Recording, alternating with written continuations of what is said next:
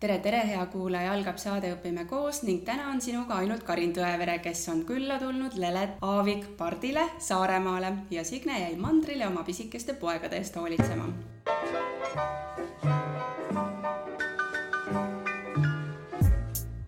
täna me kohtumegi siis klassiõpetajaga Saaremaalt, ilus ja kaunis Saare Piiga, kes räägib meile kõigest-kõigest põnevast ja vastab küsimustele, mis on ja laekunud Instagrami. tere, Lelet! Tere, Karin! meie tutvus sinuga algas õpetajahariduse kõneisiku programmis, et kuidas sina selle programmi leidsid ja miks sa sinna kandideerisid? See oli juba mitu aastat tagasi, ma täpselt isegi ei mäleta, kust ma selle leidsin, ilmselt äh, tuli kooli meililisti mingi tähtis kiri ja, ja siis, äh, siis ma otsustasin kandideerida ja osutusingi valituks. Ja see oli tõesti hästi äge kursus, meil olid minu meelest hästi toredad inimesed, kes sinna kokku sattusid ja siiamaani ju suhtleme ja saame korra aastas äh, veel kokku ka, et igatahes väärt ettevõtmine. aga millised olid sinu ootused? Ja mäletad sa näiteks seda introt ka, et kuidas sa ennast tutvustasid, et sinna programmi valituks saada, et mis sa enda kohta rääkisid? ja see sinna programmi saamiseks pidi enda kohta video tegema, aga, aga mina ennast filmida ei tahtnud ja siis ma tegin nii, et ma õpilastest tehtud videodest tegin kokku ühe video ja siis kirjutasin sinna alla teksti, et mis mina arvan õpetajana, et mis on, mis on väärtused, mida koolis edasi anda ja, ja tundus, et see video toimis. aga millised olid su enda ootused, kui sa sinna läksid? ma arvan, et äh, mul väga konkreetseid ootuseid ei olnudki, et ma lihtsalt mõtlesin, et midagi uut, huvitavat ja, ja ma olin valmis õpetajana olema see niinimetatud kõneisik, keda siis äh, seal koolitusel koolitati ja, ja see tundus kõik hästi põnev, et ma lihtsalt läksin ja olin justkui lihtsalt valmis kõigeks, mis ma sealt äh, saan ja nii läkski. aga ennem seda programmi olid sa juba selline aktiivne õpetaja, kes jagas oma tegemisi sotsiaalmeedias või pigem see hariduse kõneisiku programm andis nagu veel hoogu juurde, et jah, ma olen õigel teel ja jah, ma peaksin seda rohkem tegema? kindlasti andis see programm hoogu juurde. ma küll äh, pidasin klassiblogi hästi aktiivselt ja, ja toimetasin koolis, aga otseselt äh, sotsiaalmeedias äh, ma nagu oma õpetaja niinimetatud brändina ei olnud nagu välja tulnud, et seal koolitusel esimesel korral vist juba, kui me kohtusime, siis, äh, siis mul tekkis selline mõte, et, et miks mitte tehagi eraldi enda õpetaja konto Instagrami, kus ma siis saan olla selleks kõneisikuks ja eeskujuks kõikidele teistele vaatajatele või jälgijatele. Ja, ja siis ma lihtsalt seal mõtlesingi näidata kõike seda, mis ma koolis teen mis ma enne tegin ja, ja mida ma ka edasi tegin. no siit tuleb kohe küsimus see, et Instagramis sa jagad, noh, üks asi on su enda tegemised, lapsed on seal ka, et kuidas sul õnnestus luba saada, et sa võid neid lapsi niimoodi sotsiaalmeedias ka näidata avalikult? see loa teema on muidugi hästi päevakorras praegu ja aktuaalne, aga siis, kui mina seda kontot tegema hakkasin, siis ma küsisin lastevanemate koosolekul vanematelt luba, kirjaliku nagu taotluse esitlesin ja siis vanemad panid panid allkirja ja ei olnud ühtegi vanemat, kes oleks selle vastu olnud, et kõik äh, olid nõus, et nende laste pilte kasutatakse sotsiaalmeedias ja, ja videosid ka ja, ja noh, ma hiljem äh, pole sellest nagu kunagi probleemi olnud. kuidagi mul olid lihtsalt nii toetavad ja toredad vanemad, kes äh, kõikide mu hullude ideedega alati kaasa tulid ja kuidagi nad usaldasid mind, ma arvan, et see, see ei ole kunagi küsimus olnud. No enne kui me lähme nende hullude ideede peale, et räägiks veel sellest sotsiaalmeediakanalist, et kas sa ise jälgisid ka kedagi, kelle pealt sa juba nii nii-öelda võtsid mingisuguse suuna, et oh, ma tahaks ka midagi sellist teha või noh, mingid ideed või sa tulid täiesti niisuguse valge lehena ja hakkasid ise Instagrami avastama? see tuli minu jaoks täiesti valge lehena, et kuna tegelikult äh, nüüd ma olen äh, Instagramis rohkem ringi seigelnud ja otsinud äh, Eesti õpetajaid, keda jälgida, siis tegelikult päris sellist sarnast lehte ma otseselt ei ole märganud, et mina alustasin jah, lihtsalt enda, enda mõttest, et, et ma tahan jagada ja, ja, ja sel hetkel ma küll ei vaadanud, et kes või kus. et sul on nii vahva nimi ka veel sellel kontol? jah, ma mõtlesin pikalt, et äh, mis see nimi võiks olla, ma päris õpetaja Lelet ei tahtnud panna, aga miks mitte, paljud õpetajad on, on just oma nimega, noh, nagu õpetaja siis enda nimi, et tegelikult on see väga kergesti leitav kindlasti, kergemini kui minu nimi, aga alguses ma mõtlesin ja kuna ma olin äh, jälginud hästi palju ka rahvusvaheliste õpetajate kontosid, näiteks Ameerikas on see hästi tavaline, et Instagramis on mitmed kümned tuhanded jälgijad ja õpetajad jagavad häid ideid ja ja, ja siis ma mõtlesin, et, et igaks juhuks teen sellise rahvusvahelise nime mm. -hmm. ja üks äh, hea sõber mulle pakkus sellise variandi välja ja mulle see väga meeldis, et see on siis Let's Study, see on nagu le, let's study nagu, et lähme või hakkame õppima mm. -hmm. et kuidagi see on ja noh, kuna mu nimi on Lelet, siis see sobis selle le, let mm -hmm. hästi kokku selle see on tõeline brändi nimi juba, et väga hästi sihuke turunduskanal on ka väga hästi leitud ja sa ütlesid, et rahvusvaheline, et mis asi Ameerikas näiteks, et kuivõrd see erineb Eesti õpetajate jagatavast, et kas seal on erinevus? no kindlasti on äh, need kontod väga värvilised, väga emotsionaalsed. Eesti õpetaja või inimene üleüldiselt, ma arvan, et ei ole nii avatud ja ma arvan, et ei peagi olema nii avatud alati. aga jah, värvi on hästi palju ja kindlasti seda klassiruumi kujundust ja mingeid ideid jagatakse hästi palju, et mida, mida ja kuidas, et see on selline Ameerika stiil mm. -hmm. et lihtsalt meie Eesti õpetajad ei olegi seda stiili, aga mida veel jagatakse, jah, pigem on see värv üleüldiselt, et hästi mhm. palju on kõike ja, ja kuidagi, aga põnev ja kirev on see asi seal, et kindlasti on sealt ka mingeid nippe võtta. sa ise vaatad ka mingisuguseid Eesti õpetajaid, kes on nüüd tulnud, et oskad sa mainida mõnda, et keda tasub ka järgi rääkima hakata? kindlasti enne Instagrami minekut, et on ka ju Facebooki platvorm mm -hmm. ja, ja seal on, ma usun, et haridusvaldkonnas tuttavad, tuttav juba, kes on kuulnud, on õpetaja Reesi et räppiv õpetaja Reesi peaks ta Facebookis olema, et kindlasti Facebookist ka otsida. Youtube'i kanal ka, eks ju just ja et, et kindlasti vaadake ja jälgige, aga kuna ma ise olen Instagrami keskkonnas, siis äh, sealt on mulle silma jäänud õpetaja Joana, see ongi niimoodi kokku kirjutatud, siis on äh, õpetaja Marja, näiteks õpetaja punkt Marja on see kasutajanimi. me võime pärast need nimed sinna description'isse uh -huh. ka panna, et. siis on Noor Karel, esimene september, õpetaja Jaana, siis mõned õpetajad veel, kes on Eesti, äh, Eesti õpetajad, aga on ka rahvusvahelise nimega, et on lihtsalt näiteks teacher teacher Liis või teacher Angela. Ja, ja siis äh, veel selliseid haridusvaldkonna kontosid on hästi palju tegelikult, kui otsida, et üks, äh, mille loojaks äh, või loomise juures ma ise ka olin, on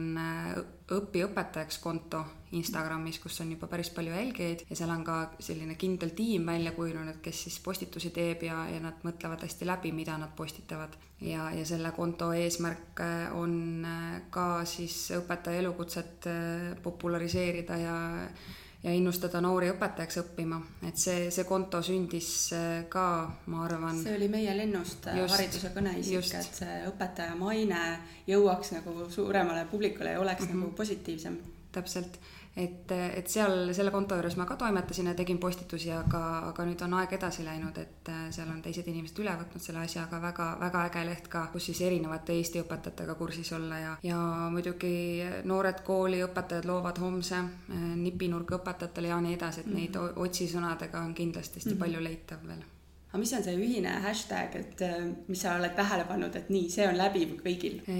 ma ei olegi võib-olla niimoodi jälginud või vaadanud, aga mis ma ise kasutan, ongi, äh, ongi lihtsalt õpetaja, noh, millega leiab hästi palju, et mhm. või Eesti õpetaja ja, ja seesama õpi õpetajaks hashtag mida, mida me leppisime kokku sellel kursusel, et me proovime igal pool kasutada, kes mm -hmm. õpetajad on, et, et lihtsalt on leitav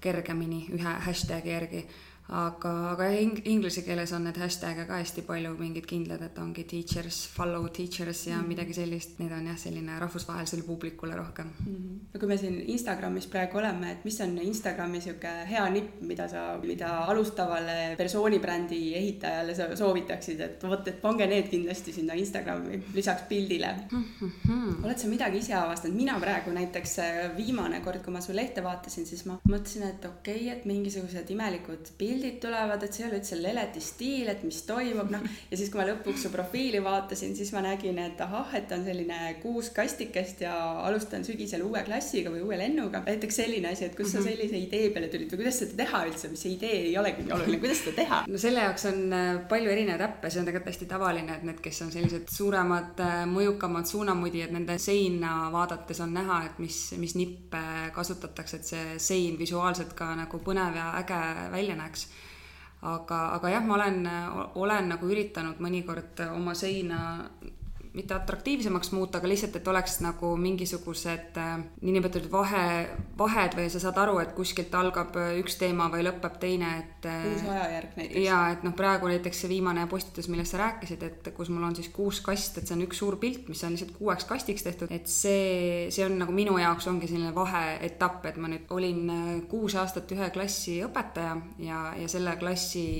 tegemisi ja toimetamisi ma siin Instagramis näitasingi, aga nüüd, nüüd on see läbi ja siis ma mõtlesin, et ma teen sellise niinimetatud valge lehesei vahele, et siis ma alustan nagu uue klassiga ja siis on nagu kohe näha, et midagi on muutunud. ja, ja mis ma näiteks äh, karantiini ajal tegin või koroona äh, perioodil kuna enam lastega kokku ei saanud ja väga mingitest üritustest pilte ei olnud äh, panna siia, aga natukene ikkagi tahtsin seda kontot aktiivsena hoida, et siis ma hakkasin tegema miime ehk siis pilte, kus on mingi naljakas tekst juures ja, ja siis äh,, ja siis ma panin lihtsalt neid miime ja tundus, et nad olid isegi päris populaarsed, et inimestele täitsa meeldisid. ja väga paljud õpetajad just tundsid ennast nendest miimidel ära, et, et see nagu hoopis teistmoodi, aga samas ikkagi õpetajatega seotud, et ainult õpetajad mõistavad neid nalju ja, ja tundus, et neile läks peale see asi. ja siis, mis ma veel teinud olen, on, ma olen õpilaste näiteks mingeid mõtteterasid või tsitaate näiteks kujundanud eraldi või nende niisuguseid naljakaid ütlemisi või, või midagi sellist ja, ja neid siis seganud äh, lihtsate piltidega, et oleks visuaalselt see sein jälle ägedam ja, ja samas äh, mitte ainult pilt, vaid ka natukene teksti või sisu ka. Äh, et mida siis lapsed arvavad maailmast ja maailma asjadest näiteks, selline asi või selline, ma ei tea, kui palju nipp see on, aga. ei, need on väga head, sellepärast et aga ma ütlen ausalt, et mina vaatan sinu lehte ja siis ma vaatan, et vau wow,, et vot see on nagu nii äge ja kõik need ideed on nagu sellised värsked väikesed ja omanäolised ja, ja just see, et nagu sa ütlesid, need tsitaadid, meemid, et noh, et seda, seal on nagu kõike ja see on nagu sihuke mm -hmm. äge kokkuvõttes, et sihuke väga-väga kihvt. siin mul tuleb meelde veel üks küsimus, mis tuli ka Instagrami, kui palju sa ise läbi mõtled eelnevalt äh, selle, mida sa postitad, et kas see tuleb, et oh, et nüüd moment on äge, teen pildi ja läheb üles või sa ikkagi mõtled ja planeerid enne? pigem ikkagi, nagu ma enne ütlesin ka, et ma olen selline tunde ajal kuidagi postitaja, et äh, muidugi ma mõtlen, äh, mis noh, natuke ikka seda, et mis on sobilik võib-olla või, või mis ei ole, et nad ikkagi ja noh, ka õpi-, õpilaste kontekstis, et kuigi ma olen saanud ju õpilastelt loa postitada või vanematelt, siis, siis ikkagi, et, et mis poosis või asendis ma neid seal näitan, et, et see neile ka oleks mugav ja vastuvõetav, et siiamaani ei ole õpilased kunagi öelnud, et õpetaja, võta see pilt maha näiteks või mulle ei meeldi, et nad väga aktsepteerivad, et, et see valik on ilmselt neile sobinud. ja pigem jah, just kui tuleb see tunne või õige hetk, et, et mulle meeldib olla selles osas spontaanne pigem, üleüldse ma olen pigem selline spontaanne õpetaja, et see on kuidagi põnevam aga ma küsin, et palju sul jälgijaid on? tänase seisuga on mul täpselt nelisada jälgijat kas sa tead, kes need on, on need õpetajad, on need lapsevanemad, on need lapsed? Äh, üldiselt äh, ma ei ütleks, et mul on nagu oma õpilasi ja vanemaid või sihuke oma kogukond tohutult, kes jälgiks, et kuna nad on ikkagi nii noored olnud, et paljudel ei ole ka Instagrami kontot võib-olla lubatud veel teha. aga noh, viimasel aastal on, on ikkagi tekkinud see, et on oma tuttavad niikuinii, aga oma, oma lapsed või õpilased ka nüüdseks juba endised õpilased ja, ja ikkagi lapsevanemad ka päris mitmed jälgivad. aga, aga ikkagi on päris palju ka selliseid, keda ma selles mõttes üldse ei tunne, et kes on lihtsalt privaatsed kasutajad, aga mhm. mind jälgivad, et ju, ju neile siis midagi seal meeldib, et, et nad ei ole veel unfollow pannud mm, -hmm. et, et on ka täiesti võõraid inimesi ja, ja, ja needsamad õpetajad, kes, keda ma ise nimetasin, et keda ma ise olen Instagramist leidnud ja ke, kelle kontosid ma rõõmuga jälgin ja kellele ma kaasa elan, et nendest ka paljud elavad minule kaasa mm. -hmm. selline Instagrami viisakus on ka, et jagame ja vaatame üksteist. jah, kuidagi võib-olla mingi kogukond hakkab sealt tekkima mm -hmm. või mhm. selles mõttes ikkagi. noh, minu konto nagu eesmärk on ka see, et ma lihtsalt tahan hästi, hästi lihtsasti lihtsalt näidata oma vaatajatele või jälgijatele, keda ma loodan, et kelle hulgas on ka võib-olla mõni noor inimene, kes kunagi tahaks ise õpetajaks õppida või miks mitte ka mõni vanem inimene, kes tunneb, et ta tahaks äh, elukutset vahetada. et lihtsalt neile näidata, kui äge see töö on ja kui palju ägedaid äh, momente selles töös on, isegi kui õpetaja elukutse on hästi raske, tegelikult ma tunnistan, on, on palju hetki või momente, kus, kus ikkagi tunned, et ei ole alati lillepidu, on ju aga, aga ikkagi nii palju ägedaid tegevusi ja kui ma ise nagu, see on nagu minu jaoks ka selline kroonika, et kui ma vaatan seda kontot, kas või noh, nüüd, kui ma olen kuus aastat ühe klassiga olnud ja kui ma siia täitsa algusesse kerin, et kus me alustasime ja, ja need hetked on kõik äh, mu enda jaoks jäädvustatud ühes, ühes kohas, et seda on nagu tore vaadata, kui palju on ära tehtud. ja siinkohal ma pean mainima, et sulle, et see ei ole su isiklik konto, et see ongi selline õpetaja konto, et sul on kaks eraldi kontot ka just, Instagramis, et just, jah et ja noh, oligi nii, et ma tegelikult alguses ikkagi oma õpetaja mingeid ägedamaid seikasid panin oma privaatsele kontole ja siis ma mõtlesingi, et et võib-olla neid asju hakkab liiga palju saama, et ma peakski nad nagu eraldi hoidma. Ja, ja selle, sellepärast ka ma arvan, et ma tegin selle eraldi konto, et praegu ma üldse, üldse ei kahetse või ei mõtle, et, et see oleks kuidagi väsitav või see oleks kuidagi kohustus, et see on, et ma postitangi täpselt siia nii, kuidas tunne on, et ma otseselt mingit süsteemi ei ole, et ma nüüd iga päev pean midagi postitama või et nii, nii suur Instagrammer ma võib-olla veel ei ole ja, ja ma arvan, et ma võib-olla ei saagi, et pigem ongi minu jaoks see selline tunde ja vajaduspõhisus nagu kuidagi, et kuidas tunne on. no sa siin juba tõid välja selle, et, et sa tahad näidata neid äh, erinevaid tahke, neid rõõmuhetki, mis tegelikult õpetaja töös on nagu nii-nii palju, aga tihtipeale need jäävad nagu märkamata, et kuidas sulle tundub, et milline on täna see õpetaja maine ja kas sa oled rahul sellega või milline ta peaks olema, et see ideaaljuht no minu enda kogemus on ikkagi see, et eh, nii palju kui minu tuttavad või inimesed, kellega ma olen kokku puutunud, kui ma olen öelnud, et ma olen õpetaja näiteks või tulnud koolist juttu, et siis eh, pigem ikkagi on kõik hästi positiivsed olnud, et et, et vau, et õpetaja nii äge ja et kuidas sa jaksad või midagi sellist, aga et, et tegelikult on tore ja on palju tuttavaid, kes ütlevad, et oh, et on, on ka kunagi tahtnud õpetajaks saada, et see tööde parandamine on põnev ja äge ja et kui, kui sul äkki mõni pakk kontrolltöid üle jääb, et äkki sa annad ja ma parandan ka ja et mingisugune, et pigem on noh, minu kogemus on see, et tegelikult inimeste jaoks on see ikkagi nagu selline tänuväärne ja, ja tore töö nagu, et ise nad muidugi seda teha ei tahaks, aga, aga nad on nagu äh, austusega nagu räägivad sellest minuga aga.... et see tundub siis neile nagu liiga raske? ja, ja kindlasti liiga raske. jah, pigem on, on öeldud, et, et noh, et nii äge ja kõik ja et või nad vaatavad minu pilte näiteks mm -hmm. konto pealt, et vau, et mis te tegite või kus te käisite, aga, aga et noh, et ise küll ei suudaks või kuidagi selline, selline mõtlemine on jah aga, aga ühiskonnas üldiselt nojah, ma ilmselt olen selle õpetaja maine kujundamise sees praegu viimased aastad hästi palju olnud ja sellepärast mulle võib-olla tundub, et ikkagi sellega nagu tegeletakse see ja see on nagu positiivses või tõusujoones kuidagi see, see maine nagu, et mul ei ole nagu jah, isiklikult üldse mingeid negatiivseid kokkupuuteid kuidagi. aga kui sa vaatad oma kolleege, kuidas, kuidas sulle tundub? no kolleegidega, meil on ju suur maja, hästi palju inimesi, meil on väga palju toredaid inimesi, aga aga. seda vist ei ütlenudki, et me oleme Kuressaare gümnaasiumis, eks ju, et sul on tegelikult ja. ümber siin kaheksakümmend, kaheksakümmend kolleegi. jah, vähemalt kaheksakümmend ja meil on üle tuhande õpilase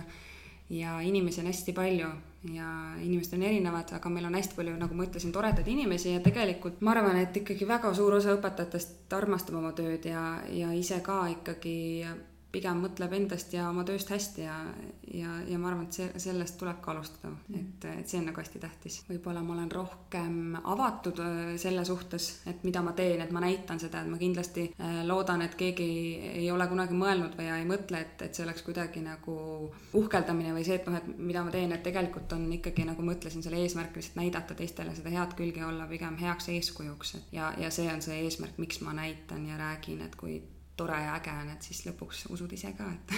et ongi. täna on ju nii, et noori väga palju sotsiaalmeedia mõjutab ja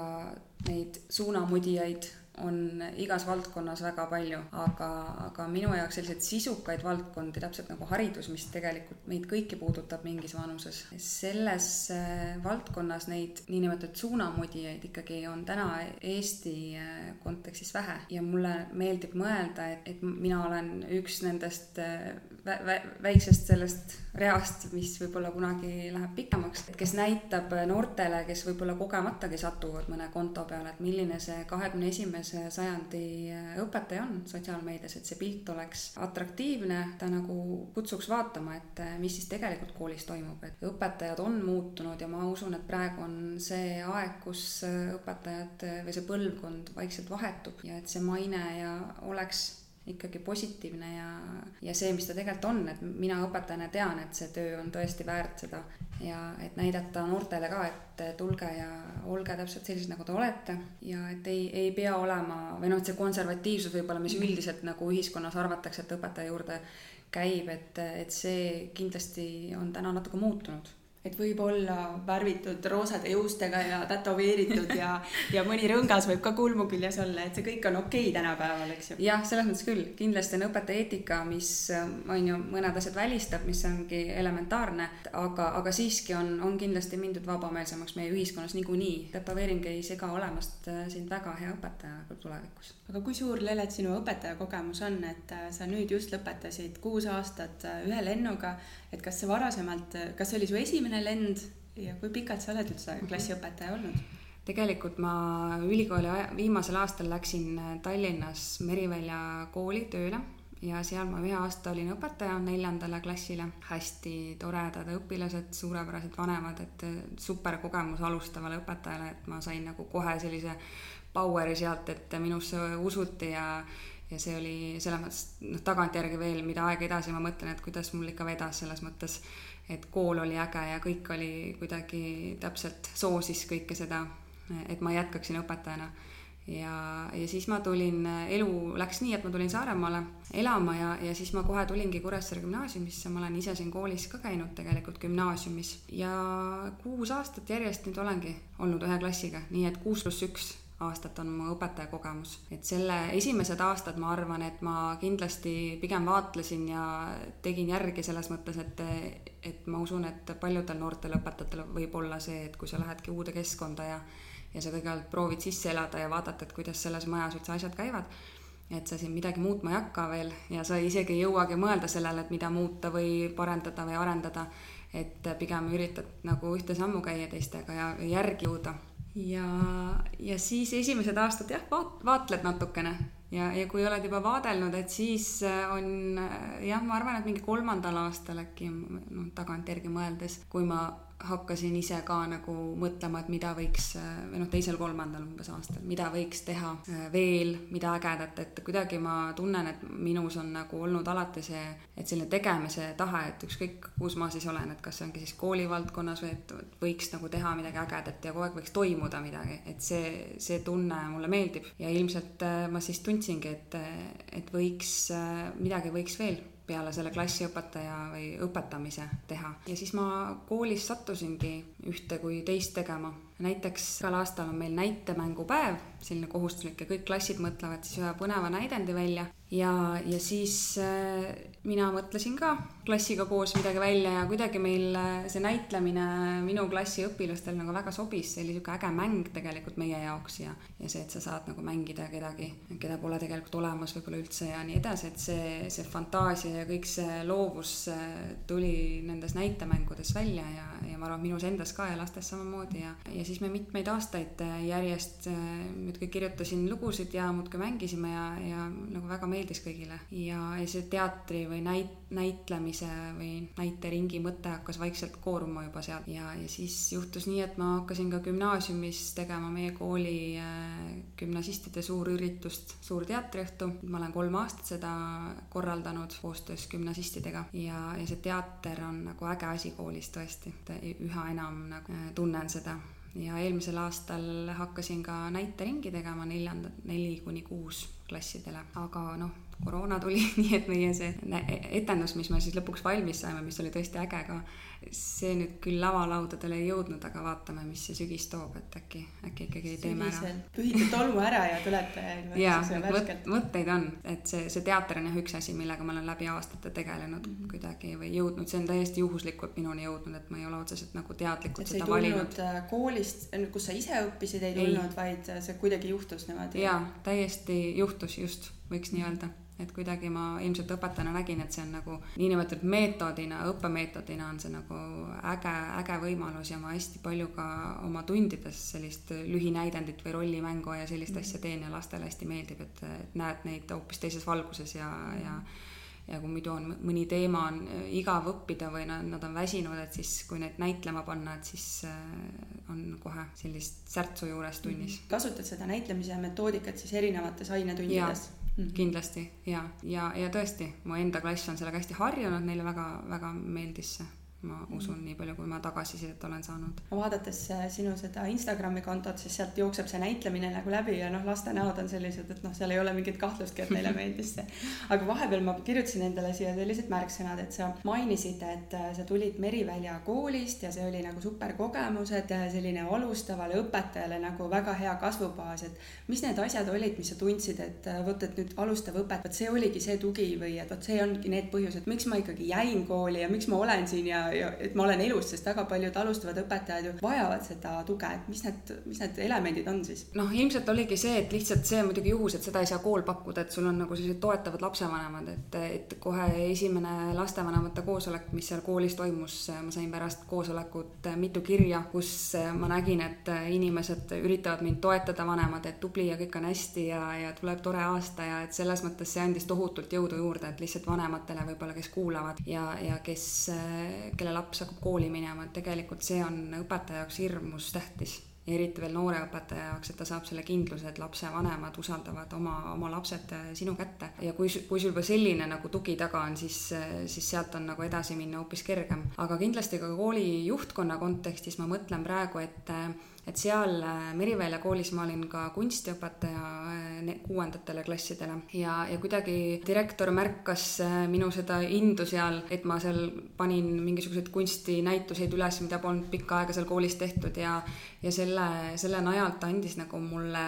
justkui õigusi juurde, et mine ja osta näiteks kooli vajaminevaid kunstivahendeid ja, ja kuidagi nagu ma nägin või tundsin nendest käikudest või nendest sammudest, mis ta tegi, et tema usaldab mind väga. Ja see andis ka hästi palju enesekindlust noore õpetaja jaoks, et okei okay,, et see, mis ma teen, et on õige ja seda märgatakse ja ja, ja ta tõesti märkas seda ja, ja tunnustas mind. et need asjad, ma arvan, selle ühe lühikese aasta jooksul olid, olidki need, mis nagu noh, praegu on ka meelde jäänud väga. teine asi, mis sa mainisid ennem jutu sees, oli see, et sa jõudsid justkui ringiga tagasi oma gümnaasiumisse, kus sa ise õppisid. ma arvan, et koolile on see ka päris hea tunnustus ja õpetaja mainele üldse, et õpilane jõuab tagasi oma kooli, et mis tunnetega sind nagu või mis sa tundsid, kuidas sind vastu võeti siin, et oli pedagoog, et näed, et meie Lelet on tagasi või et issand jumal, et nagu kas ta nagu ei jõudnudki mujale, kui jõudis tagasi siia. Jah kuna ma ise olen tegelikult ju põhikoolis ehk üheksa aastat käinud maakoolis, Kärle põhikoolis, siis, äh, siis need kolm aastat, mis ma siin gümnaasiumis olin, siis need kolleegid, kelle ma endale täna sain, et neid, nende õpetajatega ma ei olnud tegelikult üldse kokku puutunud, kuna meie maja on tõesti väga suur. gümnaasium ja põhikool või noh, vähemalt algklassid äh, toimetavad küllaltki eraldi, aga see, et ma siia kooli tulin, äh, noh, lihtsalt oli ilmselt selline pakkumine või selline aeg, kus oli siia õpetajat vaja ja teiseks Kuressaare gümnaasiumis on väga palju vilistlasi, et see on ilmselt sellele koolile suur kompliment, millegipärast jah, tahavad siia kooli paljud tagasi tulla õpetajaks mm, -hmm. et et seda, seda on olnud enne mind ja, ja pärast mind päris palju. ja lihtsalt tulin tagasi, aga õpetajad äh, ei tundnud ka mind, jah, need mhm. algklasside õpetajad, et selles mõttes ei, ei olnud nagu seda, et, et oo, et sa oled tagasi Lellet, mhm. on ju mm. -hmm. et mõni oli lihtsalt võib-olla näinud või kuulnud, aga pigem äh, kuna mi, meie gümnaasiumis oli kuus paralleeli sellel ajal, see oli Eesti suurim lend, äh, siis nendest kuuest äh, gümnaasiumiklassist äh, meil oli säravaid inimesi palju, et me ei olnud kindlasti kõige tagasihoidlikum, aga, aga ilmselt ma algklasside õpetajat õpetajatele ei olnud kuidagi mhm. meelde jäänud. Mhm. et selles mõttes ma ikkagi, oli tore alustada justkui puhtalt lehelt. aga lähme siis selle kooli juurde, et teil on õpside klubi, kuidas see sündis, kes sinna kuuluvad, mis te teete seal mm? -hmm. meil on äh, jah, õpetajate selline vabatahtlik äh, kokkusaamise klubi, kus me siis äh, tahame arendada ja parendada oma kooli, Kuressaare gümnaasiumit ja see klubi sündis niimoodi, et mina olin ka just noore õpetajana tulnud kooli, võib-olla kaks aastat koolis olnud ja, ja minu mentor, meie kooli õpetaja, eesti keele ja kirjanduse õpetaja Marit Tarkin tuli minu juurde ideega, et, et võiks sellise, sellise klubi luua või sellise koha tekitada või noh, tal mõte oligi see, et lihtsalt, et õpetajad saaksid nagu päriselt koolielu arendamisse vabatahtlikult panustada, et me ei peaks tegema või täitma neid neid pabereid, mis on nagu kohustuslikus korras meile antud, vaid me lihtsalt tõesti tahame midagi ära teha. ja see ei ole lihtsalt kohvi joomise koht, vaid, vaid sinna juurde kuulub ka sisu. ja, ja siis äh, Marit on selline visionäär ja, ja mina siis lõpuks hakkasin tal järgi käima, et teeme ikka selle asja ära, et väga hea mõte ja, ja lõpuks kuidagi see siis kahesse meil sai tehtud. aga, aga ma arvan, et meie vundamendiks on ikkagi Marit siiamaani, et tema on see, kes kokku kutsub ja, või siis jagab sõna, et nüüd teeme nii või naa ja, ja tänaseks oleme juba mitu aastat koos käinud ja ma arvan, et seal on niimoodi mitteametlikult paarkümmend õpetajat, kes, kes siis teisipäeviti või neljapäeviti, oleneb päevakavast, kokku on nõus saama. Ja me oleme selle klubiga, mille nimeks mitteametlikult sai ja jäi ägedate õpside klubi. Et et see on selline natukene selline nimi, et võib tekitada küsimusi, et noh, et kas need õpsid, kes siis seal klubis on, et kas need on ägedad ja teised ei ole, aga, aga kindlasti me ei ole kunagi nii mõelnud, et me usume, et kõik õpsid on ägedad kes ise arvavad, et, et nad on ägedad ja, ja me oleme iga aasta sügisel alati kutsunud kogu kooli pere uuesti, et kes tahab äh, tulla meie klubisse kaasa rääkima, siis kõik on alati oodatud ja, ja et me oleme nagu alati andnud võimaluse ükskõik millal kõikidel liituda ja, ja meiega kaasa rääkida. aga jah, see nimi lihtsalt tuligi sellest, et, et mõte oli nagu kuidagi, et noh, et teeks sellise klubi, kus on ägedad õpsid koos mm -hmm. ja kuidagi sealt see jäi, et, et see kindlasti ei ole me kunagi kellelegi liiga tahtnud mm -hmm. teha, aga me ei ole ka nagu osanud seda praegu muuta, et nii, nii ta on nagu jäänud jäänud niimoodi kõnekeeles. aga, aga mis me teinud oleme seal klubis, on see, et me alustasime kohe koolis hariduskohvikute korraldamisega. tegime hariduskohvikuid õpilastele, lastevanematele, kohviku formaadis küsida vanemate arvamust, muresid, rõõme kuulata, et mida koolis parendada, arendada ja, ja samamoodi noortega ja, ja, ja siis me oleme nüüd läinud edasi sellesama formaadiga ka lastevanemate koosolekute korraldamise peale, et eelmisel või üle-eelmisel aastal, ei mäletagi enam täpselt, oli äh, kümnendate klasside koosolekud olid selles formaadis, äh, arutleti koos, viiendate klasside koosolekud ja, ja eelkooli koosolek samamoodi. see mõte on nagu meie klubist välja kasvanud ja, ja mitmed lennud on seda kasutanud ja, ja tundub, et edukalt. ja, ja siis oleme kirjutanud äh, mitmeid projekte, saanud toetust näiteks tegelenud andekatega koolis et hästi oluline teema. paratamatult ma usun, et paljudes koolides on see probleem, et kuidagi nende andekateni ikkagi ei jõuta ja, ja neid on nagu vähe ja, ja seda personaliseerimise aega ja kõike seda on, on, on vähemuses ja, ja siis me võtsime selle teema ette, sest see on tegelikult oluline, oluline teema. ja isegi oleme rahvusvahelistel projektides osalenud äh, selle, sellesama seltskonnaga ja, ja oma kooli kutsunud äh, koolitusi ja, ja oleme palju asju teinud tegelikult, kõik ei tulegi praegu kohe nii meelde mm, -hmm. aga, aga isegi meil on koolis, kui ma ei eksi, siis Jüri, Jüri gümnaasiumist äh, käisid meil külalised, kellele me siis oma klubi tööd tutvustasime, et mis me teinud oleme ja, ja, ja vahepeal ka olime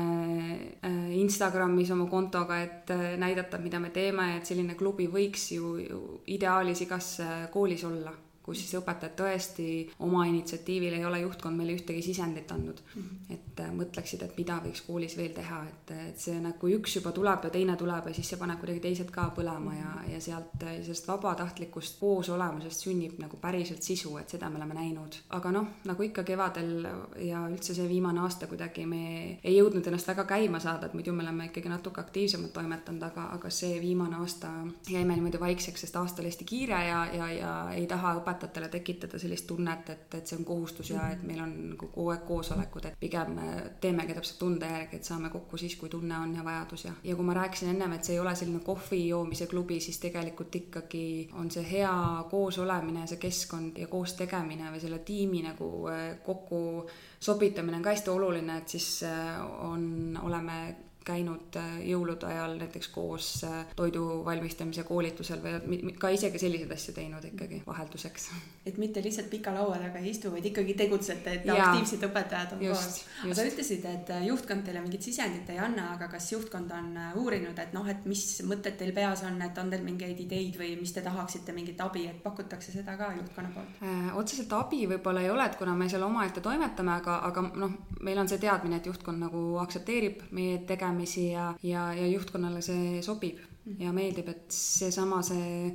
andekate arendamine näiteks ja, ja seal ikkagi tuleb ka ju mingi sisu või mingisugune niinimetatud produkt, et mis me siis teeme, et, et see on ju kõik kooli heaks ja, ja ma arvan, et see, et need õpetajad kõik, kes seal on, rääkides õpetaja mainest, et on, on kõik sellised õpetajad, kes, kes tõesti armastavad oma tööd ja nad tahavad oma kooli heaks midagi ära teha, et see on, ma arvan, suur asi mm. -hmm oma kooli armastada ja, ja see, miks see peaks juhtkonnale sobima ja see on justkui nagu oma klassi töö kõrval nagu selline teine väljund, kus sa saad ennast siis äh, oma andeid ja Just. panustada, et see on nagu hästi ja. oluline, nagu sa ütlesid, kus sa alustasid koolis, et sul oli see kunstiteema, et sa läksid, ostsid mingeid tarvikuid, et sa tunned, et sul on teine roll veel koolis, et see Täpselt. on oluline. ja et see, see on jälle, ongi, et sa oled kuidagi vajalik ja sul on nagu jah ongi, et sa saad paljudes asjades kaasa rääkida, sa saadki selles kooli arendamises kaasa mm -hmm. rääkida, et minu jaoks on see iga aasta üha olulisem olnud, et see, et kuidas see Eesti kool, kuhu ta liigub, meie haridussüsteem üldse, et see on justkui muutumises, aga, aga ikkagi kool on alati ju, võiks öelda pea kümme aastat taga alati sellest, et nüüd on nagu muudatus, aga kuidagi see koolisüsteem ei jõua järgi sellele, et lihtsalt see ühiskond või noored lähevad eest ära ja me küll räägime juba ju aastaid lõimumisest ja kõikidest noh, paljudest teemadest, mis, mida peaks või võiks teha, aga, aga päris sada protsenti ikkagi veel kohal me ei ole ju mm -hmm.. noh, aga see on mõnes mõttes on see paratamatu, nagu sa ütled, et see kaheksakümmend õpetajat, kakskümmend on sellised aktiivsemad, see mõnes mõttes ongi oma kooli suunamudijad ja näitajad mm, -hmm. kes veavad ees seda vankrit ja see võtab lihtsalt aega, et no et just, kõik, just. kõik toimiks. issand, kui äge, et sa teed nagu nii palju, et ja me ei ole veel selle klassi juhatamise ja õpetamise juurde üldse jõudnudki, et aga kas sul nagu isiklik elu on ka või sa oled oledki, elad siin koolis, et, et mis su hobi siis Lelet on, et ongi su hobi ja töö on ja, kool või? keegi küsis just hiljuti ka minu käest, ma lihtsalt pidin ennast tutvustama, et mis mu hobid on ja, ja siis ma muudkui mõtlesin, et, et et, et jaa, ei, mul on kindlasti hobisid, ma äh, olen laulmisega tegelenud eluaeg ja ma käin äh, kooris laulmas. noh, sport ikka natukene, käid jooksmas või jõusaalis või mängid äh, squashi või midagi, aga et see ei ole selline igapäevane tegevus. aga siin tulebki see, et, et kui ikkagi koolipäev on pikk olnud ja kui sul on nagu tahe teha midagi, siis sa oledki kaks tundi kauem tööl näiteks ja see on su enda vaba otsus või valik. Äh, sest ma jah olengi jõudnud sinna, et ilmselt mu töö on natuke ka mu hobi, et mulle mingisugused nüansid väga nagu meeldivad ja mulle meeldib nendega tegeleda ka vabal ajal. et ma arvan, et iga algklasside õpetaja on natuke selline meisterdaja tüüpi, selline, et talle meeldib kirjutada ja, ja kaunistada või olla selline sellist tüüpi inimene, et ja, ja neid asju kui sa, kui sa oledki sellist tüüpi, siis eh, neid asju sa saadki nagu tööl ka teha, et kuidagi see käib töö juurde või otsida mingeid materjale, et see tegelikult mulle hästi meeldib, kui mul on aega, siis, eh, siis mingeid materjale kokku panna, otsida, leida uusi ideid, et see on nagu selline sütitav, et see on eh, põnev, et siis sul on jälle mingi uus asi, mida teha näiteks klassiga või et see on justkui mu hobi, et ma justkui ei pea seda tegema, et mul on ju olemas kõik asjad, aga tahaks midagi uut ja põnevat, et see ja, ja näiteks tehnoloogia valdkonnas midagi siduda või otsida midagi, et, et see, see on kõik põnev minu jaoks ja see nagu otseselt ei ole töö. juhu ja hingega ikkagi õpetaja. täna on meil sihuke harukordne saade, et ma olen sisuliselt, noh, ma olengi üksinda siin täna intervjueerin Leletit. Signet minu kõrval ei ole, aga tänu sotsiaalmeediale on nii vahva see, et me juba eelnevalt panime sinu tutvustuse üles ja palusime kuulajatel ja saate järgijatel Eh, esitada sulle küsimusi ja mõned küsimused siis ka. ja üks selline küsimus, mis praegu siia hästi sobiks, oleks äh, Triinu Pääsikult, kes küsib Leletilt, et äh, milline oleks sinu ideaalne tööpäev? oma ideaalset tööpäeva ma kuskil hiljuti just kommenteerisin ka ja kirjutasin sellest. ma usun, et lihtsusest peitub võlu. ma ka õpetajana ongi mõnikord sellised päevad hästi toredad, et kui sul ongi niisugune hea tuju, sa tuled kooli, kõik õpilased on hästi toredad kuidagi kõik sujub, et sa teed nagu klassiga koos midagi, teil saab nalja, see on mingisugune tegevus, õnnestub suurepäraselt. ja, ja siis äh, lähed vahetundi ja mõtled, et issand, kui äge tund oli ja lähed, võtad õpetajate toast kohvi ja räägid kolleegidele, et tead, kui äge, mis ma, mis me tegime ja kui hästi meil läks ja, ja, ja siis jagad rõõmu ja, ja teised tunnevad rõõmu ja kuidagi selline päike paistab ja mõnus on ja vahepeal meil on siin koolihoovis on või kooli ümber on hästi ilus kooliaed, et väga ilusad ja toredad päevad on alati kui saad õue minna kas vahetunnis või tunni ajal ja, ja kuidagi selline, selline lihtne, aga kõigil on nagu hea olla, et ma arvan, et sellised päevad, neid päevi on tegelikult päris palju, aga, aga see on, selline päev on, mis ma ise tunnen praegu, mul tuleb kohe see tunne nagu peale esimesena, mida ma tahan kirjeldada, et see on, see on nagu see et lihtsalt kõigil on hea olla, õpilastel on ja, ja mul endal on ja, ja kolleegidel ja kõikidel on kuidagi see selline positiivne olemine. siis selline küsimus, mida su õpilased omaalgatuslikult õpiksid, kui sa oleksid ühe päeva nähtamatu? no ma olen näinud seda ühe korra, mis, mis oli ka jälle selline väike, aga armas asi, mis, mida nad omaalgatuslikult noh, olid nagu minult õppinud, aga seda kasutasid seda omaalgatuslikult. meil on alati klassis olnud see, et kuna õpilasi on palju ja mõnikord on vaja midagi jagada ja